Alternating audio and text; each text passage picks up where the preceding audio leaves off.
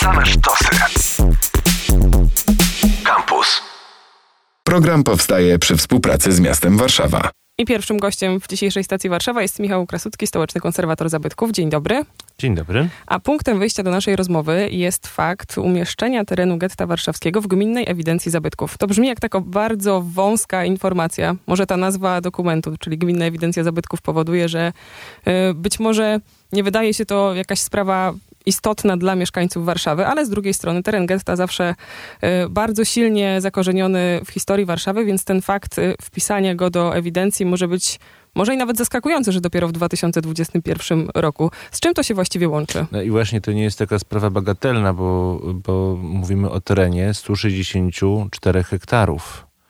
Y, To jest praktycznie w centrum miasta, bo śródmieście i wola, więc to są bardzo duże fragmenty obudzielnic. Jeżeli byśmy na to spojrzeli z tej strony i uzmysłowili sobie, że taka gminna ewidencja zabytków no, jest, może formalnie nie, ale de facto jest jakąś tam formą ochrony, niesie za sobą tą ochronę konserwatorską, no to nagle okazuje się, że bardzo duży fragment miasta znalazł się w cudzysłowie pod konserwatorem. Ale znalazł się pod konserwatorem tylko jako archeologia i tutaj na to chciałbym zwrócić uwagę, bo właśnie, tak jak słusznie zauważyłaś, chronimy archeologię getta. E, nie całego, tylko getta szczątkowego. To, co nas interesowało, to objęcie e, jakby takim nadzorem konserwatorskim, ochroną konserwatorską tego wszystkiego, co jest pod ziemią, co zostało jakby zniszczone w trakcie, mówię teraz o architekturze nadziemnej, w czasie powstania w getcie i po powstaniu. Czyli mówimy o tym getcie szczątkowym. Bo pozostałe, oczywiście w szczytowym swoim okresie, to getto miało ponad 250 hektarów.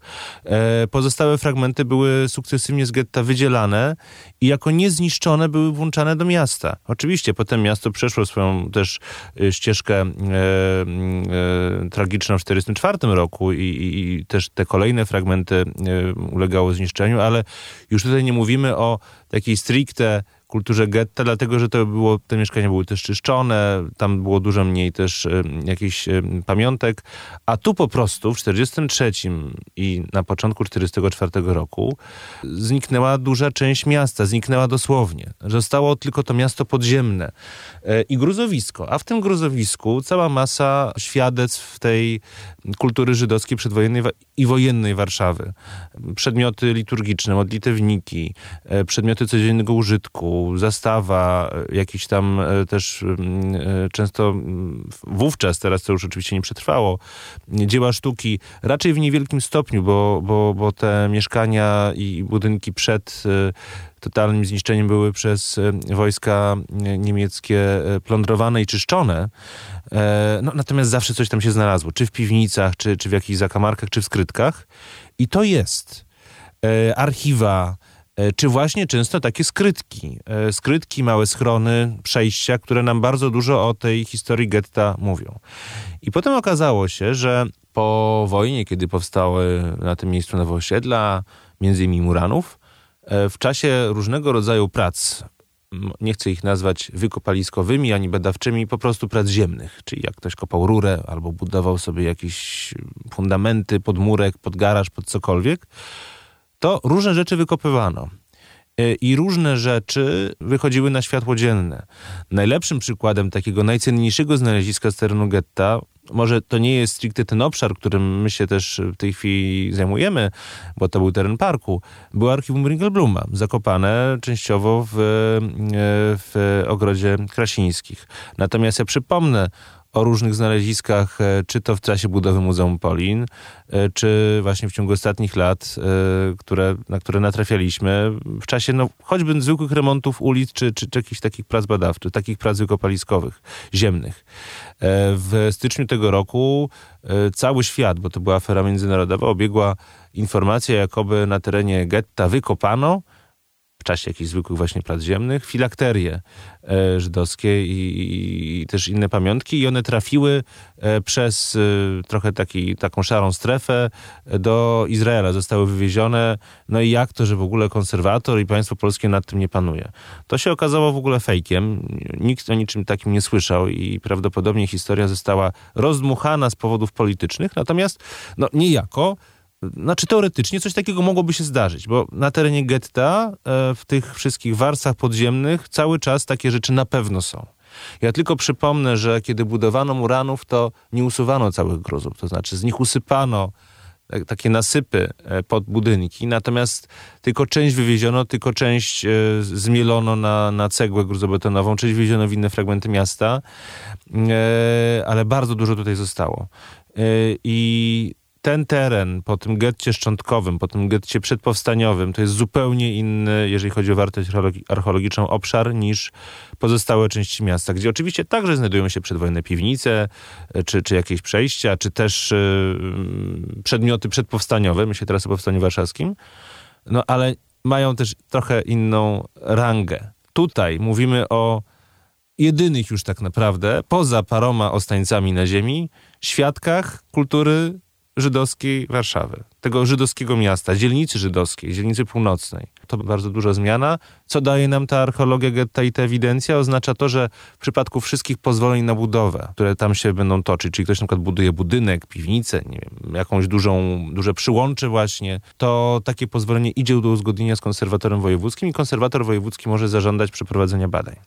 Ale to także oznacza, że przy różnych miejskich inwestycjach, typu kopiemy rurę, sieć, elektrykę, miasto samo z siebie też będzie większą uwagę zwracać na i będzie wymagać na te badania archeologiczne i nadzór archeologa w trakcie takich prac.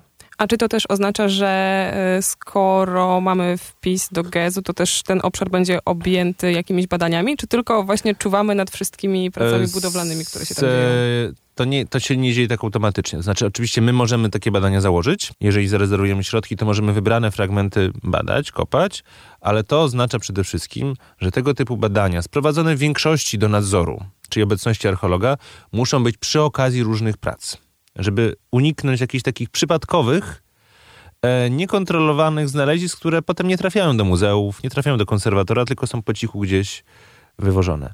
Oczywiście w ramach tego dużego obszaru mamy też 20 parę, 21 miejsc, które wskazał wojewódzki konserwator.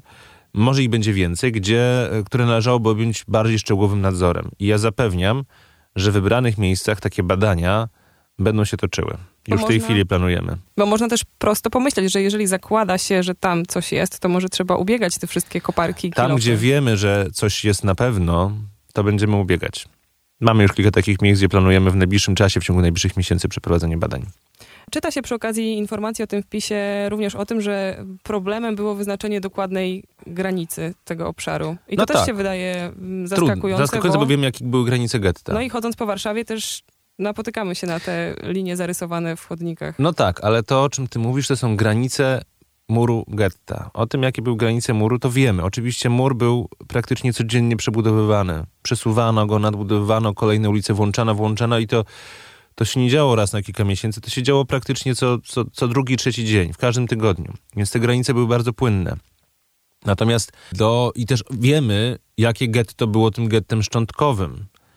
E, dość łatwo też można mm, zobaczyć przebieg granic getta, granic muru getta na ortofotomapie z 1945 roku, która pokazuje zniszczoną Warszawę, znaczy zniszczone to centrum mm, miasta, obwiedzione właśnie murem getta. Więc teoretycznie granice są bardzo proste.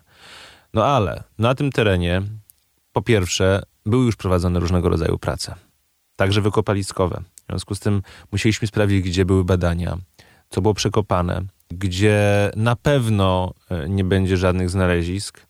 E, też e, sprawdzaliśmy, w których miejscach, być może też poza tym gettem szczątkowym, znajdowały się jakieś skrytki czy przejścia. I tutaj też kilka takich sytuacji miało miejsce. W związku z tym była dość dokładna praca badawcza, która nam miała odpowiedzieć na pytanie, czy na pewno ten zakres, czy może mniejszy, a może większy, i wielu ekspertów, między innymi Żydowskiego Instytutu Historycznego czy z Muzeum Archeologicznego, potem także z Muzeum Getta, z Muzeum Polin, e, z Centrum Badań nad Zagładą Żydów Polskiej Akademii Nauk, e, było włączone w ten proces. Taką analizę, e, która miała odpowiedzieć na pytanie, jaki fragment, bo te granice dzisiaj się wydają oczywiste, ale też jak spojrzysz dokładnie na tą mapę, to one nie pokrywają się w 100%. Z, tam są minimalne różnice z, z tym gettem szczątkowym. Czy mamy jeszcze takie analogiczne obszary w Warszawie? Myślę o tym potencjale i konieczności ochrony, które jeszcze w tych rejestrach nie widnieją. Aż, aż takimi nie, bo tutaj y, mówimy o mieście, które całkowicie zniknęło. Oczywiście mamy, kolejnym zadaniem jest objęcie wybranych fragmentów, tą archeologią wybranych fragmentów miasta z czasów powstania warszawskiego i 1945 roku. Miasta, które no, też zniknęło, ale znikało w różnych etapach i w różny sposób. I wiemy, że na przykład niektóre dzielnice się zachowały prawie nietknięte, inne były no, przekształcane, kamienice były na przykład po wojnie wyburzane czy doburzane. To też są inne sytuacje niż, niż taki nagły kataklizm e, w ciągu paru miesięcy ale mamy mm, pomysł na to, żeby rzeczywiście takie wybrane fragmenty też miasta 44, e, miasta 45 też do tej archeologii włączać, no choćby dlatego, że w wielu miejscach na pewno jeszcze znajdują się czy masowe pochówki, czy, e, czy tak naprawdę mogiły, trudno tutaj mówić o pochówkach, czy, czy schrony, czy, czy jakieś nieujawnione piwnice, gdzie mogą, być, gdzie mogą być jakieś pozostałości. Natomiast na terenie getta na pewno mm, jest to znacznie większe prawdopodobieństwo. Gdzie dzisiaj skierować swoje kroki w Śródmieściu i Woli, żeby trafić na ślady getta? No jest trochę pozostałości muru getta. Jest też zaznaczona dokładnie granica, gdzie ten mur przebiegał. Parę lat temu był taki projekt właśnie granicy muru getta i idąc ulicami Śródmieścia Woli możemy się na nie natknąć. No, przykładowo idziemy ulicą Bohaterów Getta, czyli teraz to są stare nalewki wzdłuż Ogrodu Krasińskich do Andersa. I tam nagle przy bramie do Ogrodu Krasińskich mijamy w, w nawierzchni ten taki wmontowany napis, taką linię tutaj przebiegał Murgetta. To samo jest na Stawki, e, niedaleko Umszlak Placu. To samo jest przed Pałacem Kultury, na Placu Defilat. E, ale mamy też zachowany mur e, fizycznie. No, najlepszym przykładem jest e, odcinek muru na tyłach szkoły przy, między Śliską a, a Złotą, czyli Liceum Sienkiewicza, gdzie, gdzie, gdzie, gdzie ten mur w podwórku jest zachowany doskonale. Fragmenty muru są też przy cmentarzu żydowskim, który częściowo został przeciągnięty jako kontynuacja tego muru, e, muru cmentarnego. Mamy też mur przy Złotej, ale to prawdopodobnie jednak nie jest mur getta. Mamy fragment muru przy ulicy Waliców, e, który jest e, ścianą dawnego browaru Junga, ale był de facto zewnętrzną, zewnętrzną też ścianą getta. To jeżeli chodzi o mury, mamy też pamiątki w postaci różnego rodzaju E, ostańców, e, miejsc, gdzie znajdowało się na przykład przy Żelaznej 103 znajdowała się siedziba takiego komanda SS, które było odpowiedzialne za pacyfikację getta i jednocześnie za e, za, za więzienie uciekinierów. No, czy, czy stawki, cały umszlak plac i dzisiejsze liceum, a po drugiej stronie Wydział Psychologii UW, czyli dawne de facto posterunki SS i obóz przejściowy przed wywiezieniem do Treblinki. Więc te, te, te, te miejsca są paru też, y, czy w paru dziesięciu miejscach w przestrzeni e, miasta są takie, takie mm, tablice, które, czy takie, taki szlak w zasadzie, który dokumentuje e, mm, te, te wybrane miejsca, e, szlak pamięci i na to też się natkniemy. No oczywiście proponuję zacząć od Muzeum Polin, bo tam od pomnika bohaterów getta i dalej można kontynuować właśnie idąc tym szlakiem. Ja bym jeszcze dodała taki jeden punkt, który będzie się łączył z tym, o czym mówiliśmy, czyli o tych terenach, czyli to miejsce, które upamiętnia archiwum Ringelbluma jest też tym. Teraz niedawno w tym roku oddane przy, na warszawskim Muranowie przy Nowolipkach jest i, i tam też rzeczywiście warto, warto to zobaczyć, no bo to też pomysł był oddolny, to który dodatkowo pokazuje tą inicjatywę społeczną i potrzebę społeczną upamiętniania getta. No, pamiątek po getcie jest bardzo dużo. Jest, mam wrażenie, że miejsc, które, o których nie wiemy, jest jeszcze więcej. Dzisiaj rozmawiamy o takiej jakby ostatniej aktualizacji tej gminnej ewidencji zabytków, ale jak często y, należy zerkać do tych dokumentów, żeby sprawdzać, co nowego zostaje wpisane? My umieszczamy to na mm, Biuletynie Informacji Publicznej Miasta. Średnio w tej chwili raz na kwartał albo raz na pół roku jest to aktualizacja. Natomiast rzadko kiedy ona jest tak, tak istotna jak w tym wypadku. Zazwyczaj to są włączenia bądź wyłączenia poszczególnych budynków z różnych powodów. E, czyli taka stała aktualizacja. Natomiast w tym wypadku mamy do czynienia z jakimś elementem polityki miasta, jeżeli chodzi o ochronę tej przestrzeni. To nie jest standardowa zmiana. Zastanawiam się po prostu też, jak już dużo zostało tych wszystkich ważnych obiektów objęte ochroną, a ile jeszcze, mimo No, że to są obiekty im, historyczne, im dłużej, im dłużej będziemy o tym rozmawiać, to podejrzewam, że będą się pojawiały kolejne e, obszary, które nie są objęte, bo postępu, to wszystko postępuje w czasie. Zawsze mówię, że zabytków nie mamy mniej, tylko mamy coraz więcej. Bo czas mija i te obiekty, tereny, przedmioty, które jeszcze 10 lat temu nie zasługiwały albo nawet nie zwracały naszej e, uwagi w perspektywie jakiejś ochrony, no w tej chwili są cenne. Parę lat temu do Gminnej Ewidencji Zabytków włączyliśmy kilkadziesiąt obiektów modernistycznych z lat 60., 70., nawet 80. To była zmiana przełomowa w skali całego kraju. E, I mm, zresztą tutaj stało się to na skutek też pewnej zmiany polityki Generalnego Konserwatora Zabytków. No i to, to, to, była i też inna zmiana e, gminnej ewidencji niż takie standardowe. E, Od pewnego czasu też chronimy budynki drewniane. To też jest taki wyraz polityki miejskiej. 20 lat temu nikt o tym by nie myślał. To nie było wartościowe, albo inaczej. Było, ale nikt jakby nie postrzegał tego w tych perspektywach, więc spodziewajmy się, że kolejne obszary i kolejne obiekty będą do tej ewidencji w, e, co jakiś czas włączane.